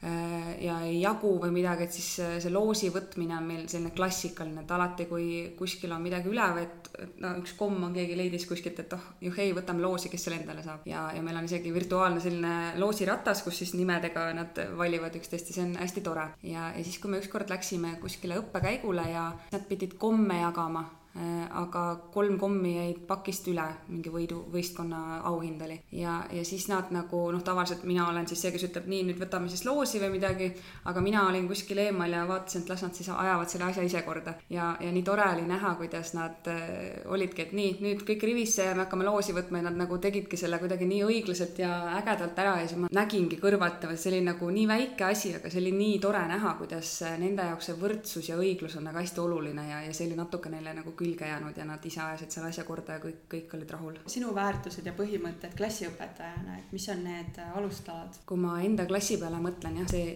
klass, keda ma nüüd kuus aastat õpetanud olen, et see on, see on see on kõige suurem kogemus, et selle põhjal võib järeldusi teha ja, aga mis ma nagu olen neile alati rääkinud ja mida ma olen hästi oluliseks pidanud, on, on see kokkuhoidvus ja üksteisest hoolimine ja, ja see, et nad ju peavad esimesest üheksanda klassini kindlasti kõik koos olema ja see on nende see koolipere ja keda tuleb hoida ja, ja ma enda arust olen üritanud teadlikult ikkagi väga, väga võrdseks neid kasvatada, et esimesest klassist saadik ka jälle see loos, et võtsime loosiga ja nad ise väga tahtsid, et võtame loosiga pinginaabrid alati, et õpetaja, kas me see nädal vahetame ja, ja, ja siis kuidagi juhtuski nii, et nad ju kõik poisid-tüdrukud läbisegi, nad olid harjunud sellega, et ükskõik, kes võib järgmine päev nende kõrval istuda või kui nad otsustavad loosi tõmmata ja, ja, ja kuidagi sellist äh, olukorda, et nad oleks kasvõi käest kinnivõtmisel tundnud, et nad ei, ei taha kellegi käest kinni võtta või seda, et, et ma olen üritanud seda hästi palju vältida teadlikult nagu salaja vaikselt ise tööd teinud selle nimel ja mulle tundub, et see, seda ma ei ole näinud et see on nagu minu jaoks hästi suur väärtus, et keegi ei tunneks ennast kuidagi kehvasti, sest et paratamatult, kui on palju lapsi, siis on ikka olukordi igasuguseid tekib koolis ja, ja ikka on neid, keda jäetakse kõrvale, aga kui sa nagu teadlikult üritad äh, mingeid olukordi vältida õpetajana, õpetaja saab tegelikult päris palju ära teha, siis, äh, siis ma olen nagu ise jah, õpetajana küll üritanud nii palju kui vähegi on minu võimuses selliseid olukordi nagu vältida ja, ja nendele anda märku, et see ei ole okei okay., et kõik, kõik te olete omamoodi veidrikud, ma alati räägin neile seda, et teil on oma kiksud ja aga et harjuge ära ja nii see elu käib, et uskuge, te kohtate elus väga palju selliseid inimesi, kes teile ei pruugi meeldida, aga, aga te peate nendega suhtlema, et see, nii see käib. et seda, seda ma olen alati neile rääkinud, et aktsepteerige kõiki ja, ja, ja kuidagi jah, oma klassi just, et hoidke omasid. meil koolis on ju hästi palju inimesi ja paratamatult igasuguseid kiusamise konflikte tekib, et lihtsalt nendele tuleb reageerida, aga, aga oma klassis pigem selliseid nagu väga jõulisi kiusamis nagu näiteid, et ma tahaks nagu ise mõelda, et ma ei ole nagu meil selliseid asju väga olnud, et kohe üritan reageerida ja, ja noh, kindlasti on asju, mida ma ei ole näinud või kuulnud, aga mul on hea meel, et sellist nagu mingit kiusamist, süsteemset kiusamist ei ole toimunud, et see on nagu hästi oluline minu jaoks. Ja, ja üldse õpetajana, noh, ma arvan, et inimsuhted on minu jaoks nagu hästi olulised ma olen neile öelnud endalegi, et see viis pluss viis saab teile kõigile kunagi selgeks ja kõik te õpite lugema ja kõik need teadmised on omandatavad, aga, aga mingisugused, mingisugused jah, oskused, kuidas omavahel toime tulla, suhelda, et see on, see on nii tähtis ja, ja see, ma arvan, et noh, mulle õpetajana on see tähtis ka, sest et, et kui sa lähedki sinna klassi ja sul on siirad õpilased, kes tulevad ja kallistavad või räägivad oma saladusi sulle, et see on nagu ka selline tunne, mida õpetaja elukutse juures on see nagu hästi väärt tunne, et, et kui sa oled selline avatud õpetaja, et äh, see on väga hea tunne, kui õpilased sind usaldavad. aga sina klassiõpetajana valisid selle teekonna, et sa läksid oma klassiga kuuenda klassini välja. miks selline valik ja mis sa näed, et on selles positiivset ja võib-olla seda, et mille pärast sa natukene nagu muretsesid ise või muretsesid, et võib-olla lapsevanematel on väike mure, et ikkagi kuus aastat kogu aeg üks ja, ja lapsed samamoodi, et kolm tahku mm. -hmm. meie koolis on jah, kooliastme kaupa muidu õpetaja õpetamine, et on esimene kuni kolmas ja neljas kuni kuues ja nii edasi, aga, aga kuna klassiõpetajad äh, on ju esimese kuni kuuenda klassi valmidusega, et me võime kuuendas klassis ka anda kõik ained, siis tegelikult päris palju saavad õpetajad ise otsustada, oleneb lennust ja oleneb sellest, mis õpetajad teatud aastal on nagu saadaval, et mõnikord saavad õpetajad äh, kohe edasi minna ja mõnikord siis peavad ikkagi alustama esimesest klassist. ja kuidagi läks nii, et äh, see aasta, kui mina alustasin, siis kuidagi mul ei tulnud isegi kolmandas klassis seda mõtet, et ma nüüd peaksin peaksin nad ära andma, et kuidagi ilmselt see pidi nii minema, et ma olin väga kindel, et, et ma lähen edasi ja, ja, ja siis ma läksingi. Ja kuni kuuendani kuidagi jäime kokku ja, ja mis, mis selle tugevused mu enda silmis on, ongi see, et või noh, ilmselt ma praegu kõike veel ei näe, et mis selle tugevus on, sest mul ei ole ka mingit võrdlemismomenti või seda tunnet, et, et mis on järgmine kord teisiti või, või sest ilmselt järgmine kord ma kuus äh, aastat järjest ei läheks, et see on jah, mõnes mõttes pikk aeg, aga, aga plussid on, ongi see, et nad on ikkagi väga sinu õpilased, et, et sa õpid neid tundma, et sul on oma süsteemid nendega nemad teavad, mida sina soovid ja, ja noh, ühesõnaga, et see kuidagi see, need puslejupid nii hästi sobivad kokku, et ükskõik, mis te tunnis teete, et see kuidagi jah, praegu mõtlen esimest korda seda mõtet läbi, et äh, kuidagi tõesti meil oli sujus see koostöö. kokkukasvamine on vist ilmselt äh, tugevam, sest inimesed, õpilased arenevad ja. nii palju selle aja jooksul ka. just, et, et esimesest klassist ja ikka kuuendani, et kuuendas nad on ikkagi uskumatult suured inimesed juba, et sellist kogemust ju mul ka ennem ei olegi olnud, et kuidas nagu äh, aktsepteerida seda, et nad on nüüd suureks kasvanud ja et sa ju oled ikkagi nende algklasside õpetaja, et võtad nad esimesest klassist, aga nii nagu äge on näha, kuidas inimesed muutuvad ja minu kui õpetaja jaoks ongi jälle see inimsuhete pool tuleb siin, et sa näed, kuidas nagu võib-olla see esimeses klassis ei olekski arvanud sellest õpilasest seda, et sa näed, kuhu ta on arenenud või kuhu suunda ta hakkab minema, et see on nagu hästi põnev on seal kõrval nagu olla ja, ja vajadusel suunata ja toetada, et, et seda ma olen ka, ma arvan, päris palju tundnud, et ma olen nagu mingite otsuste juures olnud, kui õpilane on otsustanud äh, midagi või et ma olen justkui tema heaks üritanud midagi korda saata ja, ja see on õnnestunud, et see on hästi tore tunne. aga selleks tulebki õpilast tunda ikkagi nii palju, et sul on ikkagi temaga juba selline tugevam side. aga mis äh, teise poole pealt, ma ei oskagi otseselt nagu miinuspunkte tuua, aga lihtsalt äh, mingil hetkel nüüd sel kevadel, kuna see aeg oli hästi segane, et siis ma nagu natukene tundsin sellist väsimust, noh ilmselt see oli kogu selle keerulise aja väsimus ja, ja see, et on keeruline iga tulemas kuuendas klassis, et on natukene puberteedi iga juba ja, ja kuidas siis nagu neid suhteid niimoodi distantsilt hoida nagu sellise,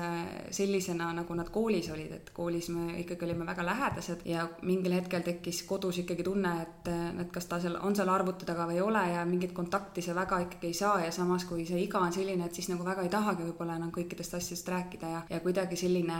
segane aeg oli minu jaoks, sest et nad olid kuidagi nii armsad ja kallid ja siis mingil hetkel nad kuidagi nagu kaugenesid ja, ja ma nagu alguses mõtlesingi, et kas asi on minus või midagi, onju, aga tegelikult ma ikkagi sain, sain aru, et aeg oli selline ja iga on selline ja kõik asjad kokku ja, ja tegelikult, kui me selle klassiga, meil oli kakskümmend kuus juuni oli selline viimane lõpupidu kõik koos vanematega, et siis ma ikka nägin, kui armsad nad mulle on ja, ja kui armas mina neile olen, et sain südamerahus neil minna minna, lasta, et, et tõesti see oli hästi-hästi südamlik äh, lahkuminek, aga samas me näeme ju koolis veel edasi ja, ja ma usun, et meie suhted selles mõttes ei katke kindlasti, et meil on nii suur ühisosa olnud siiamaani. et kui sa saad esimese klassi, eks ju, see on nagu meeletu töö, sa hakkad õppima, õpid lapsevanemaid tundma, õpid õpilasi tundma ja kõik see mahv on nagu hästi suur, et nüüd, kui sa õpilasi nagu kogu aeg tunned, et kas see töömaht oli suurem, väiksem või tegelikult neid aineid tuleb ju,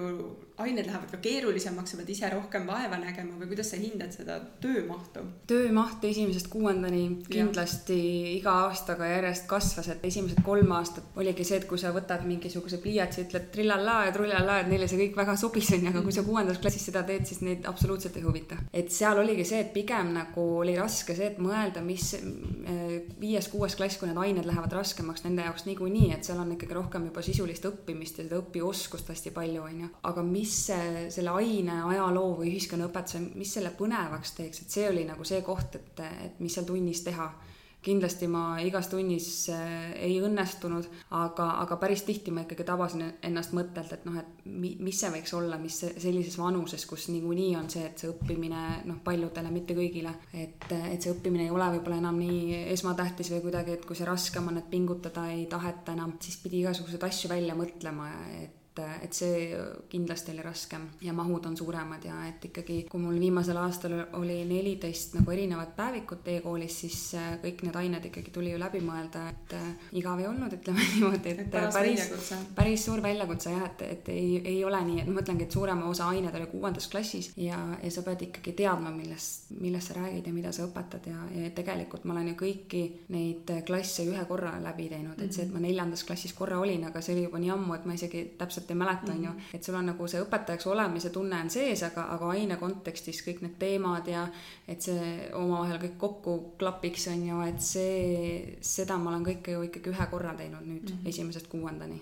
et ilmselt teist korda tehes, mida ma nüüd sügisel alustan, et kindlasti nüüd see koht, kus saab äh, muuta ja veel paremini teha mm. -hmm aga noh, sa ise tõid välja ka seda, et, et sa ei peagi olema kõikide ainete spetsialist, et olulised on, et need õpioskused, et äh, lapsed Just. saavad ainele pihta ja Just. oleks see huvi aine vastu, et ma arvan, et see on kõige olulisem. klassiõpetajana meil on nagu võib-olla väiksemad lapsed ja sellist huvi on lihtsam sütitada, aga nagu sa ütlesid, kuues-seitsmes klass, mis tuleb sealt, et iga on selline, et sa peadki nagu konkreetselt vist ikka mõtlema, et mis on nüüd see, mis nagu köidab neid õpilasi, et see mm -hmm. huvi ei kaoks, et ma arvan, et see on põhiline, miks see õppimine muutub raskeks. just just, aga mis on need ideed, mida sa võiksid jagada teiste õpetajatega ka siin hmm.? noh, need võivad olla aine, metoodika või hoopis klassiväline no tegevus. ma mingil hetkel äh, tegelikult äh, internetist ma leidsin selle mõtte, aga äh, või idee, aga noh, sisuliselt ma tegin ikkagi ise selle asja, oli, oli seesama detektiivi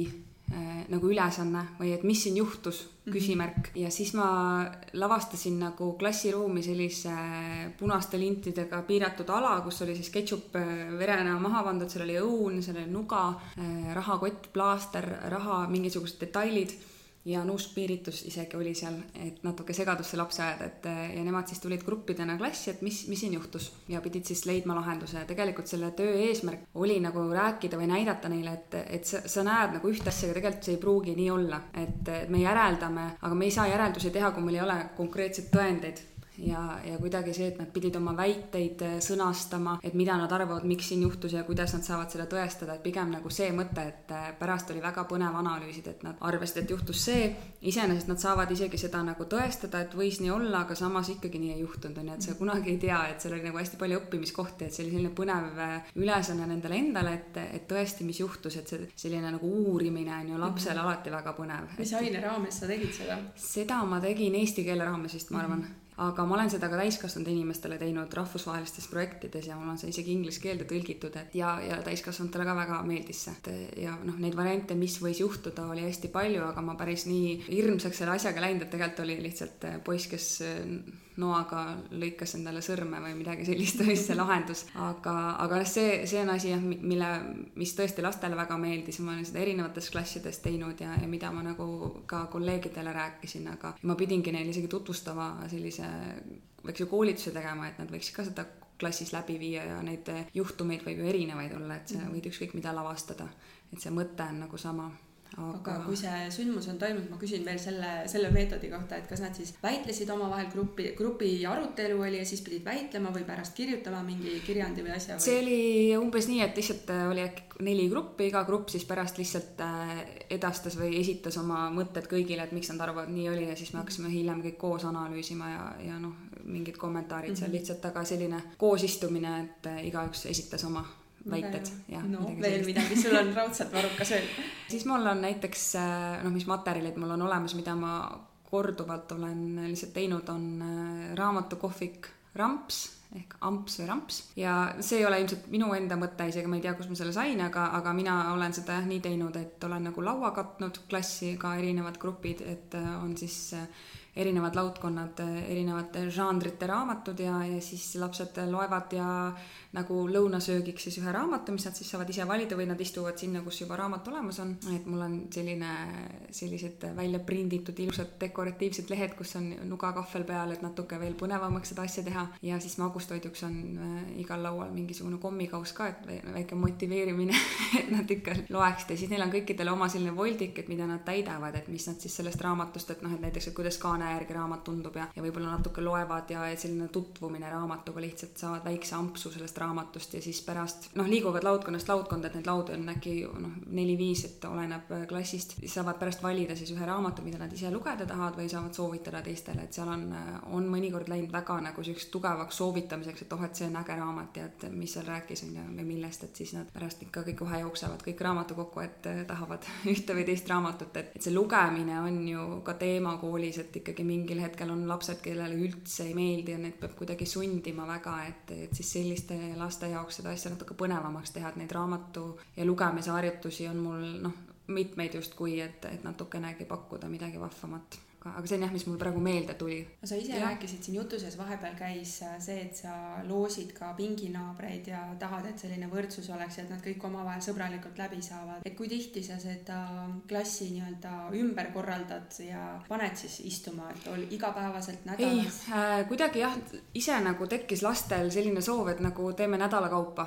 Et ma olen alati neile andnud nagu võimaluse, et, et ise otsustate selles mõttes, et ikkagi päris palju endale endale anda seda tunnet, et nemad saavad otsustada. esimesed äh, aastad, ma isegi ei mäleta, kui tihti, ilmselt ka oli tunda järgi, et kuulge, et nüüd vahetame, et kas te tahate või kuidas teile tundub. aga viimane aasta oli, mõtlen isegi kuuendas klassis me jah, vahetasime aga see neile väga meeldis, et kui oli see koht, et nüüd on jess, et tule võta ise loosi ja et mina ise ei võtnud loosi, vaid üks tuli ja võttis ja siis kuidagi, et kõigil oli nagu endal see kuidagi nende enda õnnekäsi nagu võttis selle nime näiteks ja et kuidagi tekkis jah, et iga nädal nad tulid esmaspäeval õpetaja, kas me täna võtame loosi ka, et kas me vahetame, ma ütlesin no okei okay,, et kui te nii tahate, onju, ja, ja oligi aga see aeg. lastele nagu hirmsasti meeldib, et ma mäletan, et kui ma ise klassi ees veel seisin, et siis oli, minul oli samamoodi, et reedel oli selline suur puhastuse päev, kus me kõik panime oma nimesildid, mul olid laudade peal mm -hmm. selle nätsuga olid need nimesildid, et reedel panid kõik oma need nimesildid seina peale ja siis, kui nad esmaspäeval tulid, siis klassiruum nägi hoopis teistsugune välja, sest noh, laudu ma olin liigutanud mm. -hmm. võib-olla mõne lapse nimesildi ma olin ise pannud kuskile, et noh, kas põhjusel, et ta ei näe või tahtsin just, et mingid lapsed saavad omavahel kokku, aga teised siis võtsid seina pealt oma nimesildid ja panid, et neile nagu hästi meeldis mm -hmm. see, et vahelduse mõte. aga kui sa nüüd äh, uue lennuga alustad, mis ideed, mõtted, nüüd sa oled natukene oled puhanud, mis mõtted sul nüüd peas on, et mis siis uue lennuga juhtuma hakkab, et kui palju sa vanast üle võtad, kui palju sa lähed nüüd selle uue puhta valge lehena? kindlasti ma midagi võtan üle, et mingisugused niinimetatud äh, meetodid, noh, mida ma praegu kirjeldasin ja mul praegu veel tuli meelde, et näiteks see vabariigi aastapäeva vastuvõtt on meil klassis alati, et on, valime siis presidendi ja, ja president ise valib endale kaaslase ja noh, esiteks ma arvan, et see õpetab nagu kuidagi jälle seda meie riigi olulisust ja seda, et oma kodumaa ja isamaa ja selline hästi selline kuidagi pidulik ja ilus ja ma näen, et nad võtavad seda hästi tõsiselt, et nüüd ongi see vastuvõtt ja kõik tulevad ja kätlevad ja, ja vanemad tikuvõileibu kodus meisterdavad ja, ja kaunistame klassi ja et hästi ja noh, mingid tegevused on ka seal sees veel, et viktoriinid ja et see on nagu äge asi, et selle, seda ma tahaks kindlasti üle võtta, et mida ma näen, et lastele väga meeldib ja, ja selle läbi saab palju õpetada. aga noh, näiteks aabitsaga nii, et kui ma kuus aastat tagasi alustasin, siis meil oli äh, selline Lotte aabits oli, just tuli, katsetasime seda ja hästi tore värviline aabits oli, aga, aga nüüd vahepeal on õpetajad tellinud äh, ikkagi teise aabitsa ja Anna ja Adam klassika, et et kui mina esim-, kui ise kooli läksin eh, üheksakümmend seitse aastal, siis see aabits tuli just välja, et nüüd on väga põnev, et ma saan selle aabitsa järgi lõpuks esimest korda õpetada, et mul on kõik need tegelased siiamaani selged, et, et ilmselt jah, selles mõttes tulebki kindlasti teistmoodi, et on juba materjalid on teised. Ja mul on, meie koolis on tegelikult eh, esimeses eh, kooliastmes üks kuni kolm klassides on üldõpetus. tähendab seda, et, et otseselt nagu tund ei olegi, et kas on nüüd eesti keel või matemaatika, muidugi mingi ained on, kus peab vahepeal ära käima, aga et õpetaja saab nagu hästi palju ise otsustada, kuidas ta neid tunde teeb ja, ja, ja mida täpselt. ma olen nüüd mõelnud, et kui ma tulin kooli, et siis, siis ma ikkagi pigem vaatlesin ja tegin nii, nagu tehti ja, ja proovisin nagu hakkama saada, aga et nüüd ma võib-olla seda üldõpetust tahaksin natukene nagu lähemalt veel sisulisemalt vaadata, et kuidas, kuidas seda võiks teha, et see, see mõte on mul küll, jah. et siis äh, järgmine kord, kui me saate salvestame, siis me räägime juba täitsa üldõpetusest jah, äkki küll, et siis on juba väga hea kogemus endale, et saabki alustada niimoodi. aga hindamine, milline on hindamine teie koolis? meie koolis on kujundav hindamine ja esimeses kooliastmes ja on vahepeal olnud juttu, et võib-olla ka teise kooliastmesse see tõsta, aga, aga enne seda kindlasti teha ei saa, kui esimeses kooliastmes see nagu kindlasti on nagu käima läinud, et, et meil on olnud mitme aasta jooksul siin äkki juba kolm varianti ja süsteemi, et kuidas kujundavat hindamist teha, et milliseid sümboleid kasutada ja, ja kuidas see täpselt võiks käia, et ma usun, et me natuke peaks veel läbi mõtlema seda asja, et see kõik oleks selline ühtne aga, aga kujundav hindamine esimeses kooliaastas, ma arvan, et see on väga vajalik ja, ja selles mõttes kindlasti on nagu toetab õpilast. lihtsalt õpetajal on natuke vaja rohkem toimetada, aga, aga kui, kui sa oled sellega nagu arvestanud ja saad oma süsteeme täpselt nii luua, et äh, aastatega, et, et see töö äkki ikkagi nagu mingit tööd sa enam ei pea tegema kaks korda, on ju, et siis võib-olla õpetajad äh, nagu mõtlevad sellest paremini, et ikkagi on, on palju õpetajaid, kes, äh, ma ei ütle, et on selle vastu, aga aga ke-, kelle jaoks on see pigem nagu võib-olla raskem ja et nad ei, noh, kui, kui saaks valida, nad ikkagi kasutaks numbrilist hindamist. et see on täiesti ka normaalne selles mõttes, et ongi õpetajad, kes on ju aastaid, aastakümneid kasutanud seda süsteemi, et, et nüüd nagu üle minna, et see on alati raske, aga noh, eks see tuleb aastatega jälle mm -hmm. kindlasti. me salvestame siin praegu augustikuus seda vestlust, kas sa nende uue, uute pisikeste junsude vanematega oled kohtunud või isegi nende lastega käib siin mingi eelkool mm, -hmm. oled sa tuttav nendega? jah, ma olen juhuslikult ka meie kooli, AB kooli juht või juhataja. AB kool on siis AB kool on eelkool meie mhm. koolis jah, AB kool. ja, ja eelmisest aastast alates hakkasin sellega toimetama, et ma olen tegelikult varem ka teinud äh, eelkooli ringi koolis mitmed aastad. Ja see osutus väga populaarseks, et ma üksinda tegin, äh, kuna ma Merivälja koolis ka tegelikult tegin ühe aasta, et sain hea kogemuse, siis see, see, see ring oli nagu hästi populaarne, et meil siin Saaremaa koolides äh, on pigem see eelkool on selline, et korra kuus, võib-olla ka harvem toimub see kokkusaamine, aga, aga nagu me teame, siis Tallinna koolides on iga nädal mitu tundi järjest ja on hästi noh, aktiivne töö ja toimetamine, et siis ma mõtlesin, et annaks nagu Saaremaa lastele ka selle võimaluse, et kes soovib. Ja siis ma seda eelkooli ringi tegin mõned aastad, üks aasta oli mul isegi kaks rühma, sest et inimesed olid pahased, et nad ei mahtunud ühte rühma, aga, aga sinna rühma on väga palju õpilasi järje, korraga ei taha võtta, et, et seal on ikkagi endal väga palju vaja tähelepanu pöörata neile. ja siis eelmisel aastal me tegime siis meie kooli, AB kooli ringi natuke ümber, et tegime ka nii, et üle nädala kohtusime nendega. Ja meil oli viis rühma hästi toredad õpetajad ja igas rühmas siis neliteist õpilast. minu käes olid kõik need andmed, noh, et kes lapsed tulevad ja ma jagasin nad rühmadesse loosi teel et siis, siis ma, need nimed on mulle tuttavad, et kui meie, meie koolis on, on nii, et kuna meil on hästi palju õpilasi tahab meie kooli tulla ja, ja siis meil jagatakse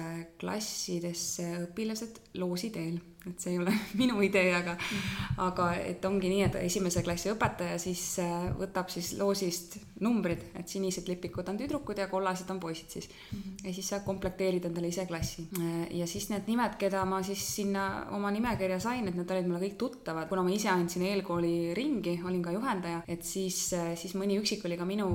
rühmast, nii et mõned lapsed on mulle täitsa tuttavad ja mõned vanemad olen neid näinud ukse vahel, aga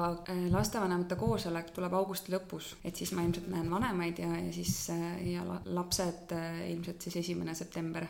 on, vaatan, et kes on seda nägu. oled juba põnevil, ma saan aru. Tegelikult on väga põnev jah, et see uus algus, et seda võib-olla ka eelmise jutu jätkuks, et kuus aastat ühe klassiga, et see on omaette nagu väärtus väga tugev, aga, aga mingil hetkel nagu õpetaja töö küll ei ole üldse rutiinne, aga, aga kui sul on kuus aastat ühed samad õpilased, et siis nagu mingit uut algust võib-olla, et sa kogu aeg tahaksid, et midagi toimub ja midagi uut on, et selles mõttes on nüüd see koht nagu, kus, kus see tuleb et selles mõttes olen ma kindlasti põnevil, et, et saab kõike uuesti alustada ja justkui teha paremini kui ennem ja mm -hmm. proovida vigu parandada. mis oli distantsõppe juures sinu jaoks kõige positiivsem ja miks? ja selle küsimuse muide on äh, esitanud Joana Jõgela.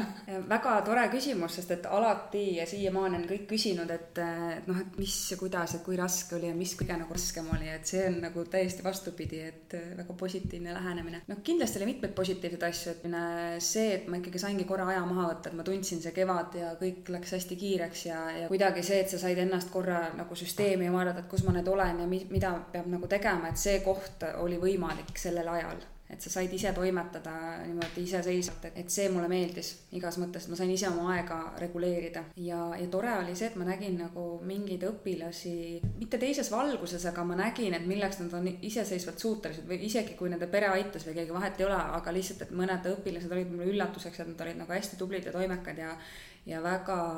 tugevalt tuli nende kohusetunne välja et see oli nagu rõõm näha seda veel lõpus et neid omadusi lastel. Ja kindlasti see ka, et, et alguses vähemalt ma ikkagi üritasin nagu hästi palju siukseid enda arust põnevaid ülesandeid teha ja, ja oligi nagu aega mõelda, et mis, mis võiks olla või mida, mida see õpilane seal kodus on ju tegelikult piiratud vahenditega on ju, et ma ei saanud nagu eeldada, et ta läheb kuskile ei tea kuhu ja ja kas tal on see vanem kodus ja mis kell ta saab arvutis olla ja tegelikult oli päris palju piiranguid, aga, aga küllaltki loov sai seal vahel olla, et anda sellised nagu vabased ülesanded neile ja siis näha, et mis nad siis lõpuks nagu sealt välja tuleb et see oli, see oli äge ja, ja tõesti oli nagu toredaid üllatusi mõnikord, et oligi õpilasi, kes olid hästi palju panustanud. kas mõni õpilane distantsõppelt nagu kadus ära ka, et nägidki, et sul ei ole, sa mainisid ka, et ei ole seda kontakti mm, -hmm. et oli nagu keeruline. ikka oli, ma usun, et igas klassis üks-kaks võib-olla sellist, kes, kes kadusid ära, et see on paratamatu, esiteks mõtlengi, et iga on natuke selline jälle võib-olla esimeses kooliastmes on vanem rohkem kõrval, teises kooliastmes juba vanem ikkagi eeldab, et laps teeb ise ja kui laps ütleb talle, et mul on tehtud, siis, siis äkki ongi tehtud, aga mm, -hmm. aga tihti juhtus, et ikkagi ei olnud tehtud, et siis pidi neid ikka utsitama ja helistama ja kirjutama ja aga, aga noh, lõpuks said kõik ikkagi tehtud mm oma asjad, et äh, viimased äh, kaks nädalat oli veel kontaktõpe ka, et äh, oli, olid mõned õpilased, kes tulid kooli ja, ja tunnistasid, et nad kodus ei viitsi ja, ja ei taha, aga koolis olid väga töökad, et saime siin nädalaga kõik asjad tehtud, enda arust tõesti üritasin ka väga vastutulelik olla, et, sest et noh, ma ikka kujutasin ette, et seal kodus võis ikka paras kaos olla mm ja mhm. ilmselt ma kõike ei kujutanudki ette, mis seal toimus, et, et raske on ennast nagu distsiplineerida ka täiskasvanud inimesena, et ma täitsa, täitsa usun, et, et see oli laste jaoks jaoks ja vanemate jaoks tohutu katsumus. Mm. ka enda jaoks lõid sa mingisuguse rutiini ka selles äh, kaoses nii-öelda, et noh, sina kui õpetaja nüüd, et, et alguses on võib-olla tore küll, et äh, lükkad hommikumanti selga ja võtad kohvitassi näppu ja oled lihtsalt arvuti juures olemas, aga milline oli sinu nii-öelda sihuke mm -hmm. rutiin? no minu äh, rutiin või süsteem oligi see, et enda jaoks nagu vaba aega justkui tekitasingi sellega, et ma panin kõik ülesanded, noh, üritasin esimesel päeval üles panna, et esmaspäevaks oleks kõik asjad üleval ja mõnikord ka mõne üksiku asja siis lisasin nagu nädala jooksul. see nagu noh, minu mõte oligi see, muidugi võib-olla kõigile see ei sobi, ma tagantjärgi mõtlesin, aga kuna keegi ei kirjutanud selle kohta, et siis ma jätkasin seda süsteemi et oligi see, et esmaspäeval see õpilane kõik need ülesanded kätte, et mul on siis Drive'is mingisugune kaust, et kus siis kõik terve nädal oli kirjas, et siis hakkad vaikselt nokkima siit, et ise tead, kas sa teed siis esmaspäeval ja teisipäeval kõik asjad ära, kui sa oled hästi tubli ja siis ülejäänud päevad puhkad või sa teed iga päev midagi. kogu aeg oli see nagu olemas, mida nad peavad reedeks tegema, said esmaspäeval juba teada seda et ma nagu oletasin ja eeldasin, et kuues klass, et nad juba nagu suudavad seal ise toimetada, aga mul oli ka neljandad klassid näiteks, nendele mõnele ei sobinud see, et nemad tahtsid iga päev täpselt, et oleks nagu kirjas, sest ma hiljem sain teada, et e-kooli vaates on vist selline asi, et, et kui sa paned nagu reedese tähtajaga asja, siis ta jääb kuskile hästi kaugele peitu, et seda ei näegi õpilane üldse, on ju, et seda ma sain muidugi hiljem teada. et ühesõnaga mingisugused tehnilised probleemid kindlasti olid, et oleks saanud veel parendada ja, ja seekord võib-olla teeksingi teistmoodi kindlasti midagi veel aga mulle endale nagu toimis see süsteem ja mulle tundus, et üldiselt ei olnud ka lastel nagu minu klassi, isiklikult klassilastel nagu midagi, et nad vaatasid sealt üle, nad said terve nädal vaadata, et mis neil on tehtud, mis tegemata ja pidid ise nokkima ja muidugi ma alguses käskisin neil ka päevaplaani teha, et pange siis oma plaani, on ju, aga, aga see päevaplaani tegemine on uskumatult raske nende jaoks. oligi näha, et mõni oli ikkagi teinud selle päev, plaani lihtsalt, et mulle ära saata ja siis ma üritasin sealt, et tee ikka uuesti, et, et kasuta päriselt, et see tõesti toimib, sest ma ise tegin endale ka esimesed nädalad seina peale sellised teised isaldatava plaani, et mida ma nüüd üks päev või teine päev teen, et see tegelikult jubedalt aitas. aga noh, seal ongi see, et seal ikkagi peab vist lapsevanem olema natuke kõrval ja ütlema, et kuule, et pane see, tee seda, et nad ikkagi seda oskust veel ei ole, et aga eks nad, eks nad visati ka ju külma vette, et nagu meid kõiki. just. nii, ja siis on äh, Merlinilt küsimus. võttes arvesse distantsõppelt saadud kogemusi, mida plaanib sügisel õppetegevuses teisiti teha hmm,? kuna mul on äh, hästi erinev algus nüüd, et kuues klass ja distantsõpe ja esimene klass ja koolis, et nendega tähe õppimine, et see on hoopis teine tera, aga ma mõtlen, et jah, praegu mul on nagu selles mõttes raske mõelda, et, et see kuuenda klassi distantsõpe ja, ja, ja kuskile mingite kavade mõtlemine, et see esimeses klassis ma peakski kõik teistmoodi tegema tegema, et seal ei toimiks see, et nad ei ole üldse iseseisvad, nad, nad ei saaks, noh, nad ei oskagi isegi päevikusse ju kirjutada, ikkagi suunatud oleks see kogu info oleks vanematele ikkagi mm, -hmm. sest laps iseseisvalt seal ei toimeta veel, et kui ma isegi teda ju ei oleks näinud näiteks on ju, et esimeses klassis oleks hästi, hästi raske ja ma loodan, et see ei juhtu nii, et, et nüüd sügisel hakkab distantsõpe ja õpilastega, keda ma isegi ei tunne, et see, see võib päris keeruline olla. et seal oligi ilmselt see pluss, et kuues klass, kuus aastat ma tunnen neid lapsi, ma tean, et kui ta ära kaob, kus ta võib olla või kuidas ma ta kätte saan ja, ja ma tean, tean, miks ta võib ära kaduda, ma lihtsalt tean seda last mm. läbi ja lõhki, aga kindlasti peab ju igaks juhuks olema kõigeks mhm. valmis, nagu elu on näidanud, on ju. videoõpe ja. ja, ja kindlasti, et videosid ma tegin ka ja ma nagu tegin lihtsalt äh, ekraani videosid, salvestusi hästi palju ja rääkisin juurde, et pigem sellist asja äh, kasutaksin kindlasti edasi, kui ole, oleks vaja. kas teie kool on nii-öelda mõelnud juba mingisugused siuksed stsenaariumid valmis, et, et kui juhtub, et noh, okei okay,, olukord ei pruugi nii hulluks minna, et kõike kinni ei keera, aga on mõelnud näiteks, et õpilased käivad käivad kolm korda nädalas koolis ja mingitel päevadel on e-õppepäev, olete te arutanud mingeid versioone? et ma usun, et see teema tuleb päevakorda kindlasti, sest et tegelikult on ju siin näha, mis siin Euroopas on ju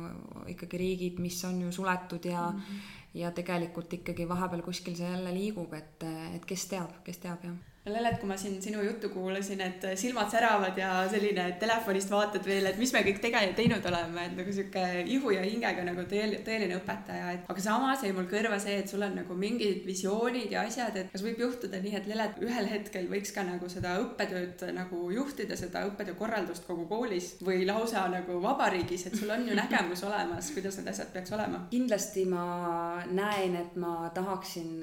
nagu haridusvaldkonna arendusse kas üldse Saaremaal või, või miks mitte üleüldises mõttes panustada rohkem, et ma tunnen, et mul see tahtmine on, aga, aga samas ma tunnen ka seda, et mul mingitest teadmistest äh, jääb veel puudu, et äh, olen mõelnud minna ja õppida või käia kuskil koolitustel veel, kindlasti ma seda teen mingil hetkel. Ja, ja kui ma praegu ka ikkagi tunnen, et ma hästi palju eh, ka klassi, niinimetatud klassivälist, klassijuhataja välist tööd teen ja mulle väga meeldib see, et, et miks mitte, kes teab, et kus, kus see suund kunagi on, aga, aga mulle ka väga õpetamine meeldib, et ma ise arvan, et ei saagi ennem edasi minna, kui sul ei ole sellist niinimetatud baasi, et see õpetajaks olemine on nagu kõige see alus ja siis sealt võib nagu edasi kasvada, et kui mul on mingi kogemus tekkinud koolis ja, ja, ja kui ma tean kaasa rääkida, et mis toimib ja, ja mis ei toimi. kindlasti, kindlasti ma kuhugi veel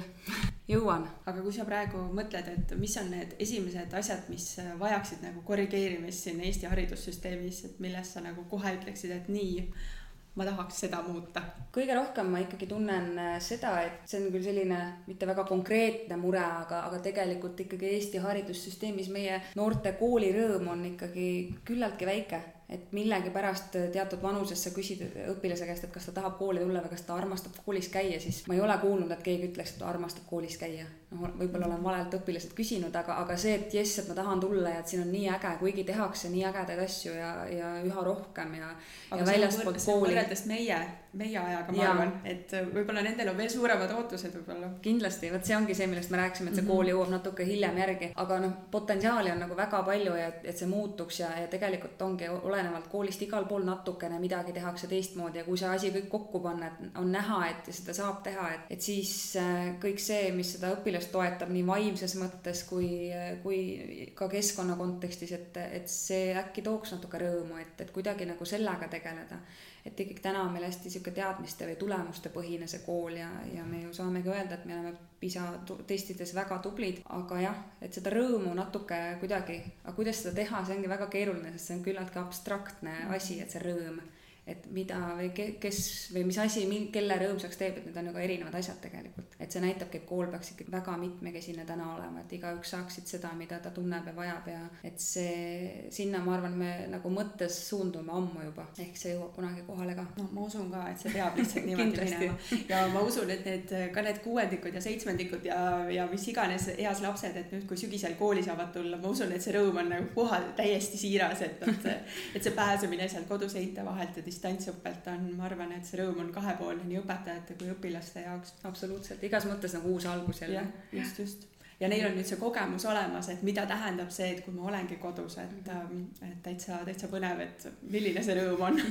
Aga tuleme Lelet algusesse tagasi, me rääkisime õpetaja mainest ja brändist, et äh, Leletil on oma bränd, et mis on selle mõju ja, ja kas sa innustad teisi kolleege ka sellise asjaga tegelema? kindlasti innustan kõiki tulevasi õpetajaid, praegu kooli tulevaid noori õpetajaid või vanu olijaid. äh, see on nagu see koht, et kes siis veel peaks rääkima sellest, et õpetaja elukutse on äge ja, ja on nagu väärt äh, õppimist kui mitte õpetaja ise. et kõige veenvam ongi õpetaja, kui ta näitab oma päris elu koolis ja, ja miks mitte seda positiivset külge just. ja ma usun, et minu äh, konto mõju, ma usun, et äh, väike ringkond on, kes, kes mind jälgib ja, ja võib-olla kasvõi üks inimene, kes mõtleb, et oh, päris äge on see õpetaja töö, et äh, väga mitmekülgne ja jah, ma tahaks uskuda, et, et nüüd võib-olla pärast tänast saadet juba kohe on, on mõni noor õpetaja, kes mõtleb, et oh, miks mitte näidata ja, ja olla eeskujuks, et see, see ongi hästi oluline, olla see positiivne eeskuju, et sest et äh, sotsiaalmeedias liigub meil täna hästi palju eeskujusid noortele ja kõikide, kõiki neid ilusaid pilte vaadates seal ongi, et oh, ma tahaks ka aga miks mitte võtta eeskujuks see, et, et keegi vaatab ühe noore õpetaja kontot ja mõtleb, oh, tahaks ka mm, -hmm. vot see oleks nagu see, kus ma tahaks jõuda. see tõeline maasikas. ja siis on see ühine konto ja hashtag on see õpi õpetajaks ja tasub selle kontoga ka liituda ja ühendust võtta, et kajastada ka seal absoluutselt proovida seda. just, miks kui... mitte alustada sealt, et kui sa veel oma kontot ei taha teha, et siis seal selle konto alt kindlasti on võimalik mingeid postitusi teha, kui sul on, mida jagada mm. -hmm. no nii, suured tänud, Saarepiiga Leelet. see väga vahva saade oli ja palju-palju rõõmu siis äh, kogu õppeaastasse nii sulle, sinu kolleegidele kui kogu saarele. aitäh! aga järgmise korrani ja kuulmiseni! Kui sinagi said koos meiega täna uusi mõtteid ja inspiratsiooni, siis anna taskuhäälingule hoogu juurde, likei, jaga ja kommenteeri meie postitusi sotsiaalmeediakanalites. kui soovid taskuhäälingut Õpime koos toetada, siis täname sind annetuse eest MTÜ Tartu Loomemaja arveldusarve kontole. kõik vajalikud lingid leiab saate kirjeldusest